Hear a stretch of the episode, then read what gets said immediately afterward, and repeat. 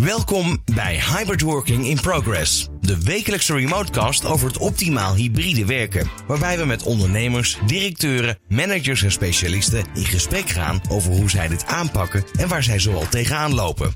We zoomen in op de nieuwe werkplek, verbinding houden, technieken, management tools, HR-vraagstukken, cybersecurity en nog veel meer. Elke keer weer een andere invalshoek en stof tot nadenken. Dit is Hybrid Working in Progress met Mike Stern. Voor de pandemie leek de toekomst van werken vrij duidelijk. Inmiddels niet meer. Kijk maar een paar jaar vooruit en de toekomst van werk ziet er totaal anders uit. Kantoren zijn woonkamers geworden en vergaderzalen zijn grotendeels leeg en kantooruren variëren. Het hele concept van werken keerde zichzelf op zijn kop en het lijkt onwaarschijnlijk dat het snel teruggaat naar de situatie voor de pandemie. Of waarschijnlijk nooit. Toch worstelen veel bedrijven nog met het hybride werken. En hoe komt dat? In de studio vandaag Richard van Tilborg, founder van Covins. Welkom Richard. Hey, ja, leuk hier te zijn. Dankjewel. Ja, fijn dat je er bent. Om even te beginnen, kan je iets meer vertellen over wat uh, Covins doet? Ja, Covins. Ja. Uh, ik heb samen Covins samen met, uh, met Melanie opgericht. En wat ons doel was om zeg maar, het werk en leren een stuk leuker, makkelijker en effectiever te maken. Uh, en wat doen we dan? dus we hebben een heel platform gecreëerd waar innovatieve, slimme technologie bij elkaar komt om inderdaad het werk en leren goed te ondersteunen. Uh, en daar kunnen we heel veel mooie uh, voorbeelden van vertellen wat er allemaal in zit. Ja, even om mee te beginnen, want slimme technologie voor de luisteraar even, dat is natuurlijk een heel breed begrip. Geef eens een concreet voorbeeld waar moet ik aan denken. Wat is voor de luisteraar zo met zonder beeld te zien te begrijpen van wat jullie doen? Ja, ja, kijk, omdat het een beetje het laatste tijd in het nieuws is. ChatGPT ken je, ken je waarschijnlijk wel. Hè? Dus een chatbot of een soort van manier dat je met elkaar... of dat de computer echt begrijpt van wat je zegt en wat je ja. vraagt. Nou, die hebben wij bijvoorbeeld geïntegreerd in ons platform. Nou, wat kan je er dan mee? Nou, heel simpel. Je kan gewoon een assistent vragen van... hey, uh, nou, bijvoorbeeld de Remote Working Summit. hey, uh, wat is de agenda? Of wat is de lunch? Of wat voor sprekers komen er? Dus dat kan. Maar we hebben het ook helemaal geïntegreerd in het werkproces, zeg maar. Hè? Dus we hebben ook... Bij ons in ons platform kan je gewoon... Uh, je, je, scrum pro, je Scrum-proces of je andere processen gewoon uh, ondersteunen met post-it en geeltjes en mensen assignen en dergelijke. Maar daar kan je dan ook die uh, slimme technologie van uh, die vraagstelling aanstellen. Van hey, hoeveel taken staan er nog open? Of wat zijn misschien wel de belangrijkste prioriteiten voor vandaag? Ja, dus eigenlijk als ik jou goed begrijp, om het even begrijpelijk te maken voor de luisteraar, gaat dit verder dan de chatbot zoals we die al kennen. Maar je kan het nu niet alleen toepassen zoals je het op een website ziet als je bijvoorbeeld een ticket wil boeken, maar je kan het ook gewoon binnen het bedrijfsproces toepassen. Juist, en dat is wat wij proberen te doen. Al die innovatieve technologie op het bedrijfsproces toe te passen, zodat het daarmee leuker en effectiever wordt. En inderdaad, hè, hoe vaak zijn we bezig om notules te typen of, of allerlei rapportages te, te maken. En je kan het gewoon ter plekke gewoon gaan vragen. hey, ik wil nu, wat is het percentage XX van mijn, uh, of mijn omzet of iets dergelijks. En het wordt gewoon uitgesproken. Je kent misschien wel de films hè, om het beelden te maken. Uh, hoe heet die? Uh, Iron Man. Uh, die heeft zo'n, ook zo'n, zo'n, zo'n robot zo'n, zo'n ding. En dan vraagt hij aan en die geeft een antwoord. En dat is super handig. En dat is maar één ding zeg maar, van, ons, van ons platform wat we geïntegreerd hebben. Ja, en waar we, wat zijn nog andere dingen? Want ik kom hier zo nog even bij op terug. Want je, je wilde ook even een voorbeeld even laten horen. Dus gaan we zo even naar luisteren. Als je naar de andere activiteiten kijkt die jullie doen, waar moet ik dan nog meer aan denken? Ja, en dat zit inderdaad met name ook op het hybride werken, inderdaad. Ja, we hebben een tijdje gehad nu met COVID, uh, dat we met z'n allen achter Teams of Zoom zaten. Uh, en wat je dan ziet is ja, gewoon alleen de, ja, de videostream van de mensen, de gezichten. en heel veel mensen, dat is onderzocht ook, worden daar Teams moe of Zoom fatigue of wat voor termen je ook hebt, zeg maar, daarvan. en dus wat wij gedaan hebben, is, om, is een hele zeg maar, in ons platform kan je dus heel makkelijk 3D-werelden creëren of 3D-ruimtes voor specifieke doelen, waar je dus met elkaar samen kan komen en, en daar je processen uh, dus uitvoeren. Hè? Dus dat kan dus heel simpel zijn, ook een Scrum. Uh, space, dus een scrum-ruimte. En wat zit daar dan in? Heb je gewoon elke muur is een deel van jouw werkproces. Hè? Dus enerzijds heb je de muur voor ja, wat, is, wat is de backlog, hè? wat moet er nog allemaal gebeuren. Ja, dat kan je doen. En op de volgende muur staat dan Um, uh, de retrospective, zeg maar. Ik weet niet een beetje in Scrum, uh, of jullie in Scrum thuis zitten, maar in ieder geval, je kan dus je proces daarop op zetten. En het leuke is, wat je dus onder andere merkte bij, uh, bij Zoom, Zoom en Team Fatigue, mensen misten de ad hoc momenten dat je op kantoor kwam. Dus ik kom bij de koffieautomaat. Oh, je had het net even, sorry ik je onderbreek, je hebt het even over Scrum. Voor de luisteraar die het niet kent, leg het eventjes uit, want anders wordt het misschien te technisch. Oh ja, ja, nee, ja, oh, uh, ja, Scrum is eigenlijk meer van een manier om samen te werken. En je ziet het bij grote organisaties ook, niet alleen op techniek, maar juist ook bij business steeds meer uh, naar voren komen. Maar eigenlijk kan je het gewoon zeggen, een manier om je to-do-lijst en je actielijst uh, te vormen met nog heel veel procesjes daaromheen. Maar laat ik het even op dat op die, die actielijstjes houden. Uh, en het proces van Scrum van uh, ja, dat je echt toewerkt naar een product en zo. Dat, uh, ja, dat laat ik voor deze even zitten. Het gaat nu even over dan het echte samenwerken zeg maar, met elkaar. Ja. Um, wat zijn de voordelen? Ik denk aan, aan tijdswinst. Hè? Dus dat je die manier veel tijd kan winnen. Dat je makkelijke dingen kan archiveren en terug kan vinden. Ook zeker als je hybride werkt. Dus de, de, de, moet ik me daarbij dan voorstellen, als ik het goed begrijp, dat het een soort digitaal interactief archief is? Onder andere, ja, dat is één, één van de aspecten. Ja. En wat zijn, wat zijn nog andere aspecten die uh, daar voordeel bij bieden? Nou, als je dus in die 3D-werelden bij elkaar kwam, was het laatste punt dat ik even probeerde aan te geven net ook, is van, hey, je bent dus uh, op kantoor, uh, kom je elkaar tegen bijvoorbeeld. Hè? Dat, is, dat is één aspect. En in die virtuele wereld, als je, of sorry, als je in een team zit, ja, dan heb je één uur vastgepland. En daarna komt het volgende uur met de volgende meeting. Daarna komt er nog. En je ziet dan die eerste meeting met drie mensen, andere meeting. Dus je komt er bijna niet tegen. Bij ons kunnen die scrum meetings, hè, die spaces, die zitten gewoon bijvoorbeeld in een park. Dus je hebt eigenlijk gewoon je eigen bedrijfspark. Waar je scrum uh, spaces hebt, maar ook je sales spaces en je in marketing spaces en je, en je samenwerking spaces. En daar loop je rond. En dan, ja, je gaat nu even naar die meeting toe. Uh, en dan kom je elkaar dus misschien ook even tegen. En dan heb je die ad hoc momenten van sociaal. Dat heeft heel veel, uh, wat wij dus merken ook bij diverse grote organisaties, dat sociale aspect wordt daardoor een stukje leuker. Je kan zelfs ook naar een, naar een bar en dergelijke gaan. Nou, aan de andere kant, wat we dus ook doen met die, met die spaces, een, ander inzicht. Um, wat je nu hebt met hybride ruimtes, vaak heb je, als je gelukt hebt, heb je een groot scherm.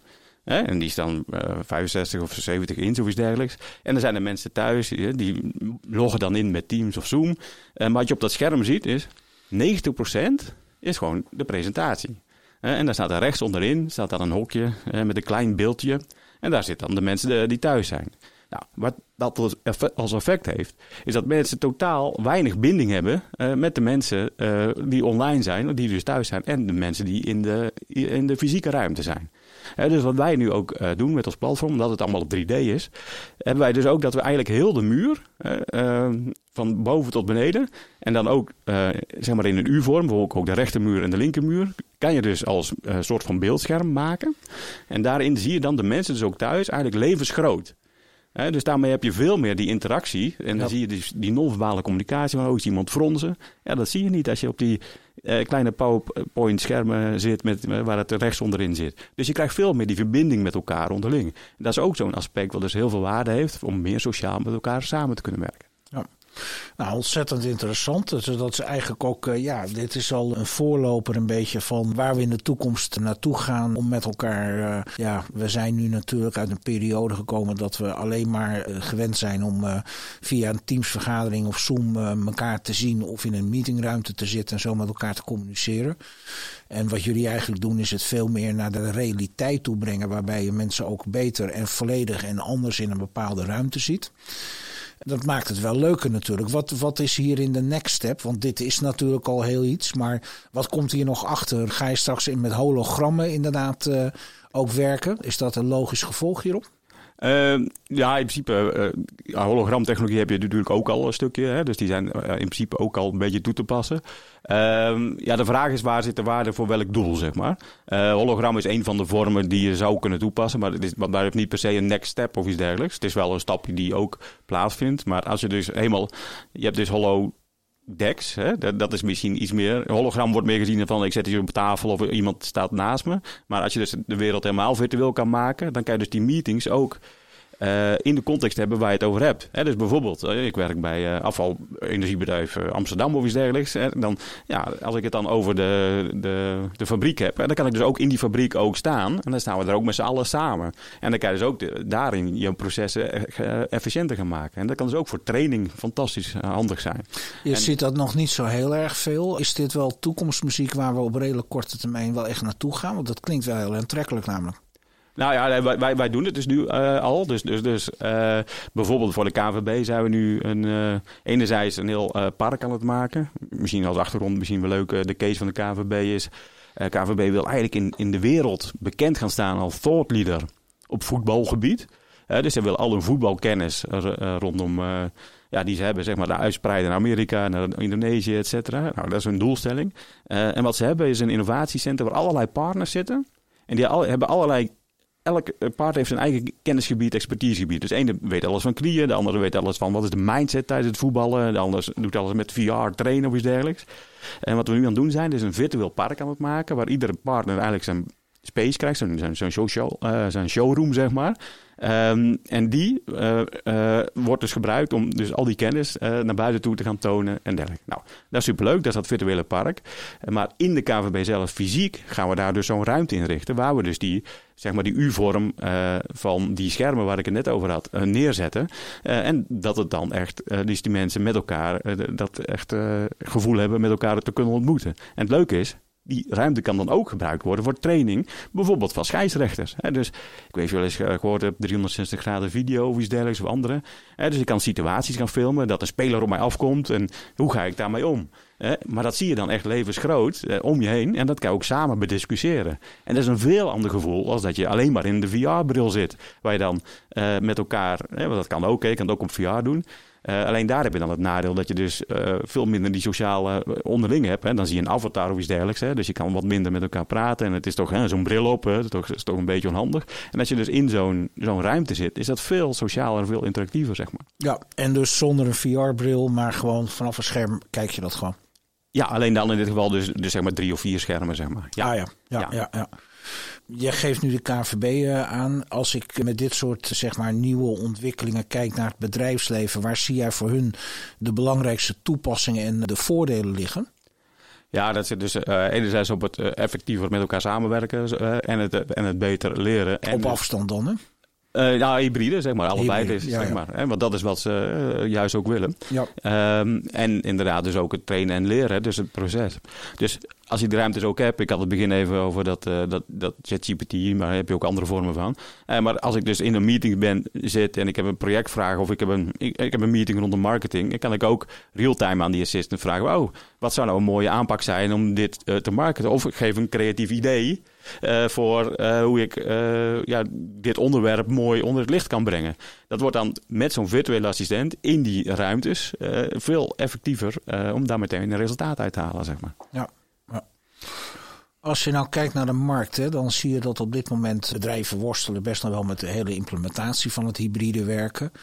Zie jij dat ook in de markt gebeuren? Is het voor jullie moeilijk om dit ook bij bedrijven naar binnen te krijgen? Misschien nog even een stap te ver op dit moment? Of zeg je van nou nee, men staat hier wel heel erg voor open en ziet wel echt de mogelijkheden? Ja, dat is alles verschillen natuurlijk per, per bedrijf en per, per, organisatie. Um, kijk, en, en binnen een organisatie heb je daar ook wel eens verschillen. Hè? Dus soms heb je wel eens bepaalde afdelingen die kijken iets meer vanuit risico. En, en, en, en, en sommige afdelingen die kijken meer van hey, we willen gaan.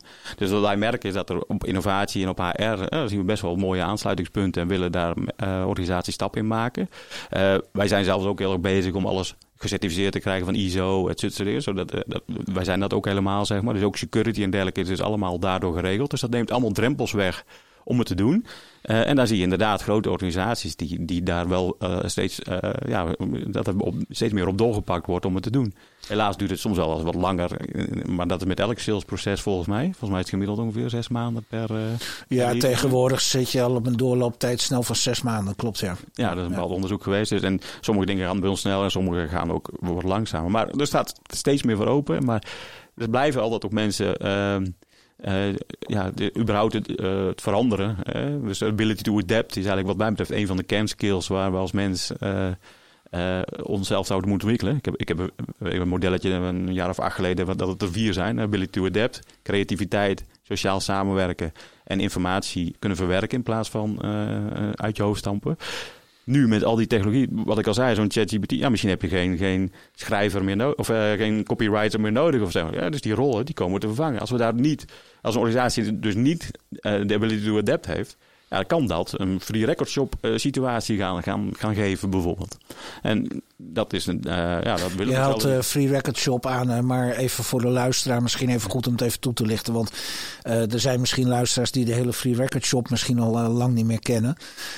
kan je het even toelichten hoe je de Free Record Shop in deze situatie hierin betrekt? Ja, nee, zeker, zeker. Nee, um, je had vroeger een winkel en daar kon je cd's kopen. En voor de mensen die niet weten wat cd's zijn, zijn van die rode dingen. Dan moest je een apparaat stoppen en kwam er muziek uit of geluid of iets dergelijks. Ja, toch? ja, ja, ja. um, en die was leuk en die, en die had op zich een goede business. En, uh, en toen kwam een beetje zeg maar, de, de online business. Nou, dat, je, dat je dus uh, muziek kon kopen via zeg maar, een soort van dienst als Spotify. dus muziekdiensten waar je het online kan kopen. En toen zei Free, Free Records op, oh ja, dat is superleuk allemaal. Maar ja, wij verdienen nu heel goed op, dus we blijven hier lekker bij zitten. Want dit is, ja, we verdienen toch heel goed. Ze zijn eigenlijk ten onder gegaan doordat ze niet meegegaan zijn in de markt. Ability to adapt. Ja, ja, ja. En, ja de Kodak ook een mooi voorbeeld van, de, van de filmrolletjes. Ja. Die zijn jarenlang uh, aan die filmrollen blijven hangen en niet het slag naar de digitale camera gemaakt. En daar, daar was het volgens mij zelfs zo, wat ik begreep, dat er wel één, uh, of in ieder geval een onderzoek of een onderzoeksteam, die had juist de digitale camera bij, bij Kodak verzonnen slash ontwikkeld. Ze hebben het bedacht. Ze hebben hem gewoon in de kast gezet en ja, dat heeft ze hebben hem ja. En dat is helemaal het bijzondere. Ja, ja, ja. Ze waren de eerste. Dat, het klopt exact wat je zegt. Ik heb het met verbazing laatst nog een keer gelezen. Dat het is. Uh, ze, de, ze, ze durfden het niet aan. Of de timing was niet goed. En ze zijn gewoon echt voorloper geweest. En hebben daardoor de slag gemist om die markt nog in te halen. Precies. En dat is natuurlijk met dit soort dingen ook zo. En dat is natuurlijk met alles wat nieuw is. Ook volgens die vier punten die jij aangeeft. Ik denk het meest belangrijke is wel de ability to adapt, wat jij net zegt. Dat de factor mens natuurlijk een ontzettend belangrijke schakel is in het proces. En dat je die ook in de eerste instantie mee zal moeten krijgen om überhaupt iets in werking te zetten. En uh, beginnen we maar op managementniveau die er überhaupt een klap op moet geven. Ja, nee, zeker. Ja, wij, ja, wij zeggen altijd om, uh, om technologische innovatie of innovatie in het algemeen te moet je sociaal innoveren, zeg maar. En, en dat is inderdaad juist op allerlei lagen, maar ook onderin, hè, onder, dus managementlagen ook inderdaad, maar ook uh, zeg maar lagen daar, daaronder. ja, mensen zijn, ja, ik, ik heb wel eens een voorbeeld om het als achtergrond uit te leggen. Mensen denken drie keer zoveel meer uit risico's dan uit kansen. Gewoon in het algemeen hebben ze een keer onderzocht. Ja, hoe komt dat nou? Even een beetje achtergrond. Vroeger waren er twee typen mensen in de grot. Uh, dus heel, heel vroeger en in de grot. En er waren mensen die uit risico's dachten en mensen die uit kansen dachten. en de mensen die uit risico's dachten, ja, die bleven lekker fijn in de grot, want dat is veilig. En de mensen die uit kansen dachten, die gingen naar buiten. Want die dachten, ja, misschien is deze keer de beer wel aardig. Nou, dit, nou, dus die overleefden niet. Dus de mensen die uit risico's dachten, die overleefden. Want ja, en, ja die, hadden dus, die gingen niet naar buiten om rare dingetjes te eten of die beer tegen te komen of iets dergelijks. Nou, dus de mensen die overleefden waren dus de mensen die uit risico's dachten. En dat zit dus uh, bij ons uh, in onze genen, want dat hebben we elke keer voortgeplant, zeg maar. Uh, dus, als we dus, dus dat zit nu in ons, ja, toch een beetje in onze, in onze opvoeding, in onze, gewoon in onze achtergrond. maar het leuke is, nu zijn de risico's die optreden in het leven veel minder, effect, of minder uh, effectvol zeg maar, dan toen. Hè. Vroeger ging je gewoon dood als je, uh, als je ja, uh, wat ik al zei, als je die beer tegenkwam. Maar nu, als je een verkeerde beslissing maakt, ja, dan ben je vaak niet dood of zo. Maar dan krijg je nog heel veel andere dingen. Dus als we dus van 1 op 3, hè, dus van 1 of kijken op kansen en dan drie keer zoveel uit risico denken. Als we het naar 50-50 zouden gaan, denk ik dat we heel de wereld al een heel stuk beter kunnen maken. Zeg. Ja. Zet mij wel direct aan denken, want dan denk ik, hè, waar jullie mee werken, uh, uh, is, alles is online. Uh, het is nieuws en nieuwe toepassingen. Ik kan me ook zomaar voorstellen wat voor jullie misschien een, een, handicap is om, om dit soort dingen bij bedrijven binnen te brengen. Dan kom je, krijg je ook met een ICT-afdeling te maken, een IT-afdeling. Ik kan me zomaar voorstellen dat die het helemaal panisch benauwd krijgen als jullie om de hoek komen kijken. Want het is natuurlijk, die zijn altijd al heel erg van, oeh.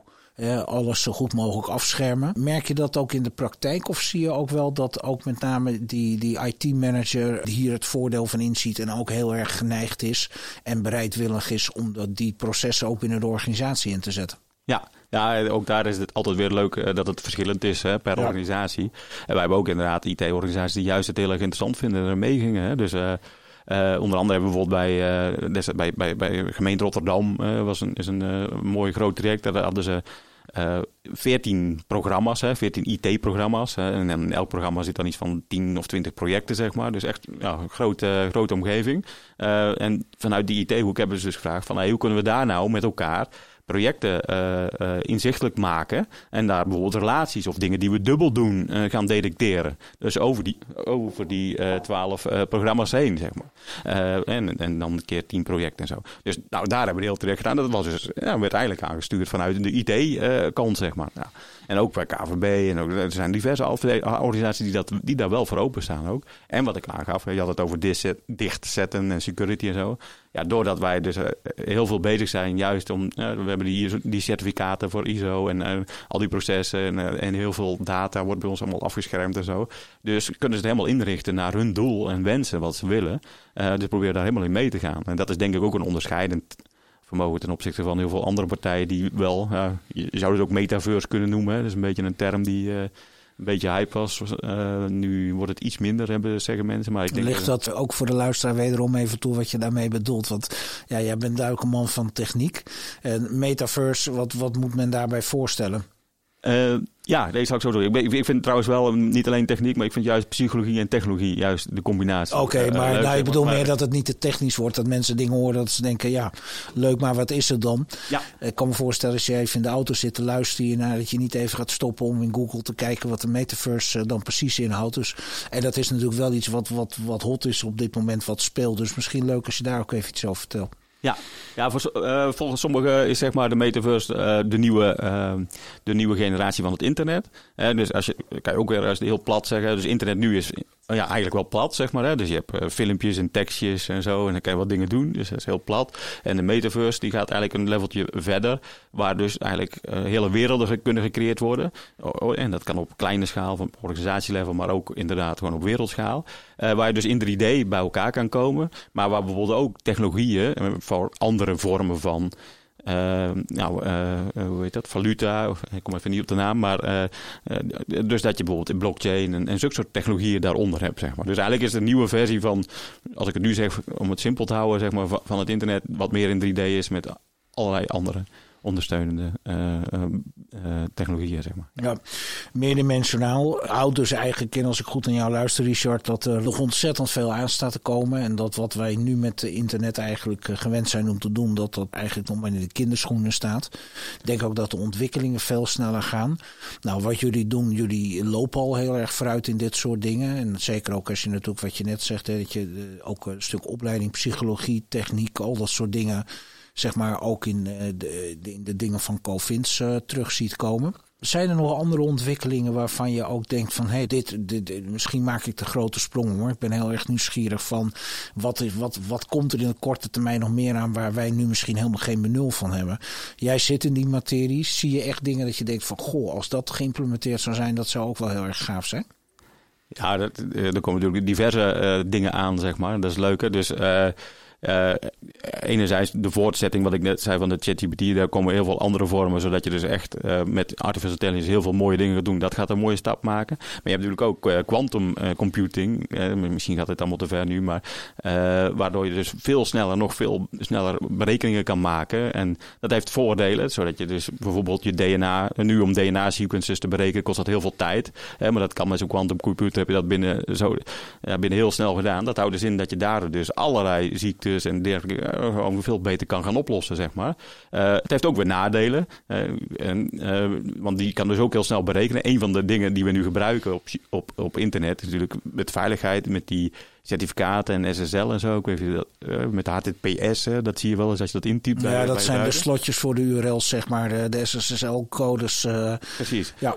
En, en wat dat is, dat, uh, dat zijn gewoon eigenlijk een soort van codes uh, die dus uh, een soort van sleutels die je kan berekenen. Uh, dus in, als ik zeg van ik kan elke keer een andere sleutel proberen in een slot, totdat die werkt, zeg maar. Nou, nu kost dat heel veel tijd en geld. Dus in principe is alles te krakelen en kost dat heel veel tijd en geld. Met zo'n quantumcomputer is dat ook hup, zo binnen, binnen een paar seconden gedaan. Dus daar zit dus ook weer een bepaald soort risico in met die nieuwe technologie. Waarom heeft niet iedereen of grotere bedrijven of overheden al zo'n quantumcomputer staan dan? Nou, het, is, het zit nu natuurlijk ook nog in een stuk ontwikkeling en daardoor kost het heel veel geld. Er zijn wel diverse.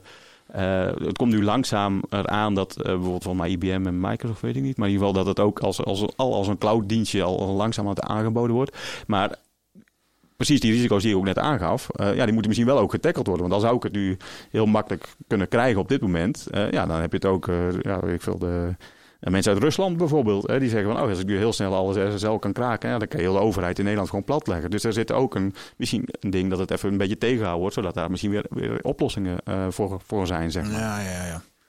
Dat gaat dan wat verder dan een beta-versie, maar er zit ook nog een hele gedachte achter dat je daar mensen ook iets mee in handen kan geven waar enorme schades mee aangericht kunnen worden. Dus dan uh, zou je met zo'n nieuwe techniek jezelf in de voet schieten.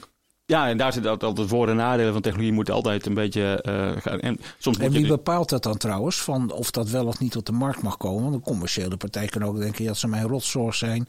Hier kunnen we een mega slag mee maken. We brengen het gewoon op de markt en uh, men ziet maar wat hij ermee doet. Ja, ja nee, uh, ik weet niet of er echt een helemaal uh, instantie is die dat helemaal bepaalt. Natuurlijk heb je de regelgeving uit Europa en Amerika en dergelijke. En nou is dat de regelgeving soms een beetje achterloopt, zeg maar. Dus ik weet niet of, of daar nu al bepaalde regelgeving nu al voor is.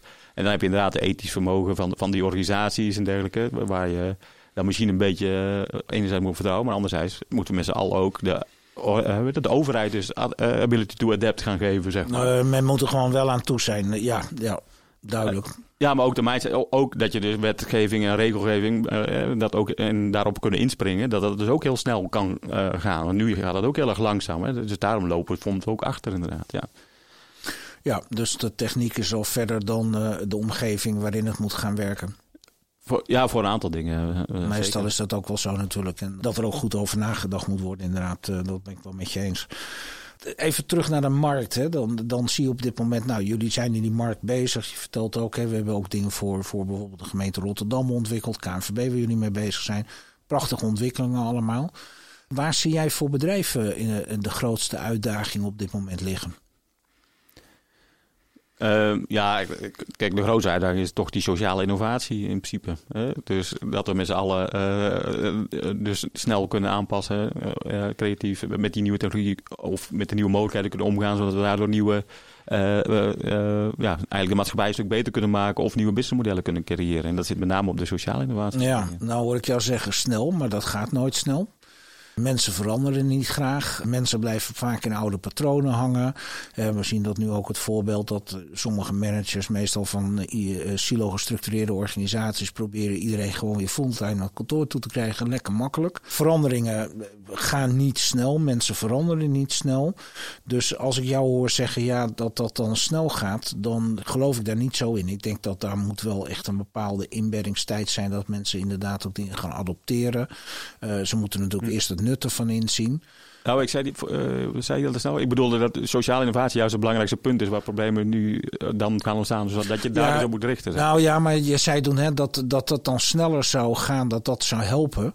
En zo kwam ik er eigenlijk op dat niks gaat snel. Dus vandaar even. Oh nee, nee maar als het gebeurd is, dan zou het dus sneller gaan. Ja, ja, ja. ja, dus dat dat proces zelf niet snel gaat, dat is inderdaad het, juist het probleem. Nou ja, dat, dat, dat, vandaar dat ik het even aanhaal. Hè, dat je dan zegt van nou, dat is het probleem. Hè, dat, dat, daar moet iets aan vooraf gaan hè, voordat dat ook tot stand komt.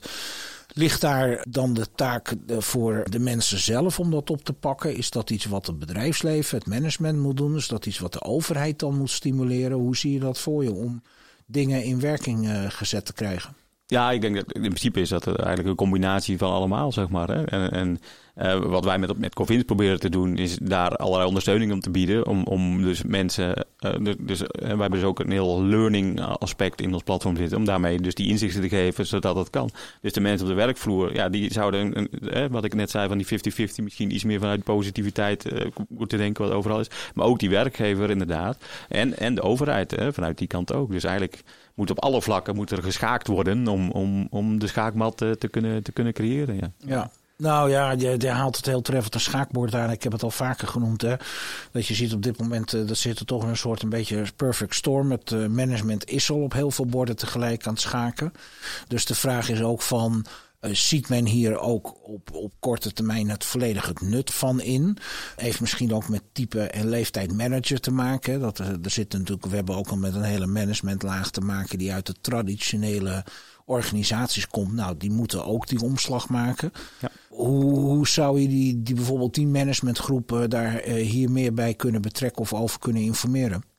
Ja, dat kan inderdaad ook op verschillende manieren. Kijk, wat, wat wij ook uh, aanbieden zijn programma's, zeg maar, waar ze ook zelf mee kunnen denken. Dus dat ze eerst geïnspireerd worden, wat kan er ook allemaal. Zodat ze dus zien dat het voor hun ook voordelen gaat, gaat hebben. En dat ze op basis daarvan ook zelf, zelf kunnen bedenken wat wat de toepassing is. Hè? In plaats van we dringen het op, dit is het. maar dat mensen het, dan heb je het not invented hier principe. En dat wil je juist gaan voorkomen, dat ze zelf kunnen meedenken daarin. enable ze met, met enerzijds kennis, inzicht en tools om het dan ook daadwerkelijk uit te voeren. Ja, dan kan je daarin in stappen maken, zeg maar. Ja. Nou, ik heb uh, regelmatig ook gasten in de studio zitten die vertellen van... joh, we hebben in die implementatieslag... en natuurlijk heeft, heeft corona daar heel veel aan bijgedragen... zijn we in een situatie terechtgekomen dat bijvoorbeeld een, digitale werkplek, meetingroom... Uh, hè, dat bedrijven dat hebben aangeschaft... Nou, dat is helemaal volgezet met de meest mooie apparatuur. Alleen is de slag van mensen om ermee te leren werken en er goed en effectief mee om te gaan. Zie je dat dat nu eigenlijk opnieuw opgepakt of nog opgepakt moet worden, omdat dat niet gebeurd is. Nou ja, als mensen iets niet adopteren of ze werken niet mee, dan kan je net zo goed in de vuilnisbak gooien. Jullie hebben natuurlijk nu wel het voordeel dat je eigenlijk al met het inbrengen en implementeren bij organisaties die stap wel als eerste zet. We gaan eerst informatie halen ja, goed begrijp van wat de behoeftes zijn. Dan gaan we mensen mee leren om te gaan. En dan vervolgens gaat men er ook mee werken. Wat eigenlijk een logische stap is dan de situatie waar we nu uitkomen. En heel veel dingen ad hoc heel snel aangeschaft zijn van we moeten het hebben. want we moeten mensen goed faciliteren. Of we moeten goed hybride met elkaar kunnen werken dat houdt wel in dat, dat als je dat op die manier doet wat je aangeeft, dat het het hybride werken heel erg kan helpen. Maar dat ook het, het, de adoptie ervan en het direct effectief worden van processen, dat dat ook makkelijker nu is te implementeren en aan te sturen zoals het de afgelopen drie jaar is gegaan, zeg maar. Ja, nee, dat, uh, dat, dat denk ik zeker inderdaad, ja. Maar het is wel een voorwaarde, denk ik, dat het uit koken van de mensen zelf moet komen. Dat, dat aan de hand daarvan iets wordt ontworpen. En niet dat je iets inderdaad een organisatie inzet en dan nog moet gaan bijschaven van hoe je het uh, gaat gebruiken, zeg maar. Ja, precies. En, en, en dat is wat we dus met Covins ook uh, proberen te doen. Is, uh, wij bieden zoveel bouwblokjes aan. En die hoef je dus niet allemaal zelf in te zetten. Dus als wij dus bij die uh, organisaties, hè, bij die managementlaag, kunnen we ze zoveel inspireren wat er kan. En dan kunnen ze zelf kiezen van, oh, sowieso wil ik mijn Lego-huisje in elkaar maken. En dan wordt er ook aangegeven, wat zijn dan inderdaad die voordelen? En wat voor effectiviteit levert het dan op? Hè? Want inderdaad is het nu alleen maar een ruimte neerzetten. ja, dan is het alleen maar hybride. Maar door die extra tooling erbij van, hey, wat bijvoorbeeld zo'n zo'n virtuele assistent of, of uh, het proces echt ondersteunt met, met, uh, uh, ja, met die, met die post-it flows, zeg maar, of die scrum flows. Of, of, dan wordt het echt allemaal veel makkelijker. En dan heb je dus heel snel die business cases ook gemaakt. En dan is het ook weer snel voor management om daarop te schakelen. Ja. Hey, nog eventjes terug naar die virtuele assistent, die chat. Jij wilde even iets laten horen. Ja, nee, we hebben dus even een heel snel testje hebben, hebben we natuurlijk gedaan. Um, dus we hebben uh, ik heb hier een telefoon, dus ik ga even, uh, even mijn telefoon even starten. En dat gaat over de Remote Working Summit. Uh, en dit is maar één klein voorbeeldje. Eén klein aandachtspuntje. Het is nu met dat ChatGPT waar we het over hadden. Die is, ja, die is, is eigenlijk zo over, opgepakt in de wereld. Hè. Je ziet het overal LinkedIn. En dat hij soms een beetje wat langzamer is geworden. maar dat wordt allemaal straks weer allemaal gefixt. Dus dan is het snel. Maar nu kan het... Ja, oké. dat moeten mensen even doorheen prikken. Het gaat om het idee dat je niet denkt van dit klinkt een beetje uit de Oost-Duitse tijd nog. maar dat, dat dit straks gewoon allemaal heel erg gelikt snel en prima werkt. Ja. Software nou, management. Ja, ja, ja uh, nou, verras ons even, Richard. Luister graag even mee. Ja, ja, ja. Welkom op de Remote Working Summit. Heb je een vraag, dan ben je bij mij altijd welkom. Oh ja, superleuk. Ja, ik ben benieuwd. Uh, wat is eigenlijk het programma van de Remote Working Summit? Het programma van de Remote Working Schimmert bestaat uit zeven congressen, 14 seminars en zeven live summit debatten. De congressen worden gehouden in de congreszaal door kennispartners, terwijl de seminars worden gehouden in de G-Labs door partners. De live summit debatten worden gehouden in het theater met sprekers en panelleden. Daarnaast zijn er ook lunch, interviews met deelnemers vanuit New Business Radio, stamtafelgesprekken, podcast en de uitreiking van de Gouden Werkplek Awards. Oh ja, nee, superleuk. Uh, maar ik las op jullie site ook ergens iets over uh, het goed kunnen gebruiken van WhatsApp. Er is veel onderzoek gedaan naar het gebruik van WhatsApp op de werkvloer. Uit onderzoek door telecomprovider Tele2 bleek vier jaar geleden al dat deze app na e-mail en telefoon het meest gebruikte communicatiemiddel op de werkvloer is. Er zijn echter geen algemene gedragsregels voor zakelijk appen. Experts adviseren om groepsmeldingen te dempen en maar één keer per dag de groepsapp te bekijken. Ook kun je een aparte werktelefoon gebruiken. Daarnaast is het belangrijk om binnen het team afspraken te maken over het gebruik van WhatsApp. Nou, dit was een voorbeeld volgens mij van een, een stukje wat op jullie website ook staat van professor Arnold. Of ik weet even... Arnold Bakker van de Erasmus Universiteit, een van de sprekers. Ja, Ja, precies. Hè? Dus Ja. je kan dus vragen over het programma, maar je kan dus ook vragen inhoudelijk over stukken, zeg maar, eh, krijgen. Dus dit is even een heel kort voorbeeldje. Inderdaad duurt hij dan even iets te lang met, eh, met het inladen, maar voor de rest is, het, eh, is dat, dat is dan straks allemaal gefixt. En ook al zou het iets langer duren, als je echt die waarde meteen to the point hebt, wat, wat je wil weten, in plaats van ik moet op een website gaan klikken, gaan zoeken of, of in een, in een meeting room iets erbij gaan halen. Nee, je hebt het gewoon ter plekke, bam, snelheid. Gaaf. Leuk om even te zien. En nou ja, dat staat wat dat betreft nog ontzettend veel aan te komen. En eh, nou ja, zo'n goed voorbeeld. Leuk eh, van de summit die op 19 juni live eh, gaat plaatsvinden. Waar ook al dit soort items worden behandeld. En waar we met elkaar kijken van nou goed, wat speelt er, wat komt er, wat ligt er, waar loopt men tegenaan op dit moment. Eventjes tot slot Richard. Als jij managers van bedrijven nog een goede tip mee mag geven. Met wat jij aan kennis hebt van dingen die er in de markt gebeuren. techniek, bedrijven waar jullie mee werken.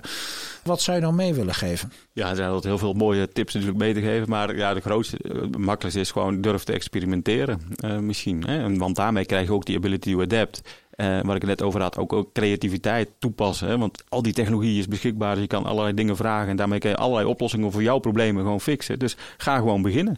En dat kan heel klein. Hè? Je hoeft niet grote bedragen of zo te regelen. Dat kan met, met technologie die allemaal beschikbaar is. Vaak ook half gratis, zeg maar. Dus gewoon durf te experimenteren. Nou, dat vind ik een hele mooie.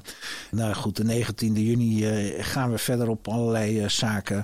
Richard, ontzettend bedankt voor je komst naar de, de studio en eh, de uitleg die je hebt gegeven. Ik heb je af en toe even onderbroken om het voor wat technische termen, om het voor de luisteraar ook begrijpelijk te houden. Maar uiteindelijk ja, vind ik een duidelijk verhaal geworden. En in ieder geval een heel leuk inzicht in waar we staan, wat er komt en wat ons allemaal nog kan gaan helpen om nog effectiever niet alleen hybride, maar over de hele linie genomen effectiever te gaan werken met elkaar. Dankjewel. Dankjewel ook. Ja, leuk om je te zijn. Ja. Leuk dat je weer hebt geluisterd. En volgende week zijn we weer met een nieuwe Remotecast. Heb je een aflevering gemist? Of wil je zelf deelnemen aan onze live events en netwerken? Kijk dan voor meer informatie op remoteworkingsummit.nl. Deze Remotecast wordt mede mogelijk gemaakt door Communicatief.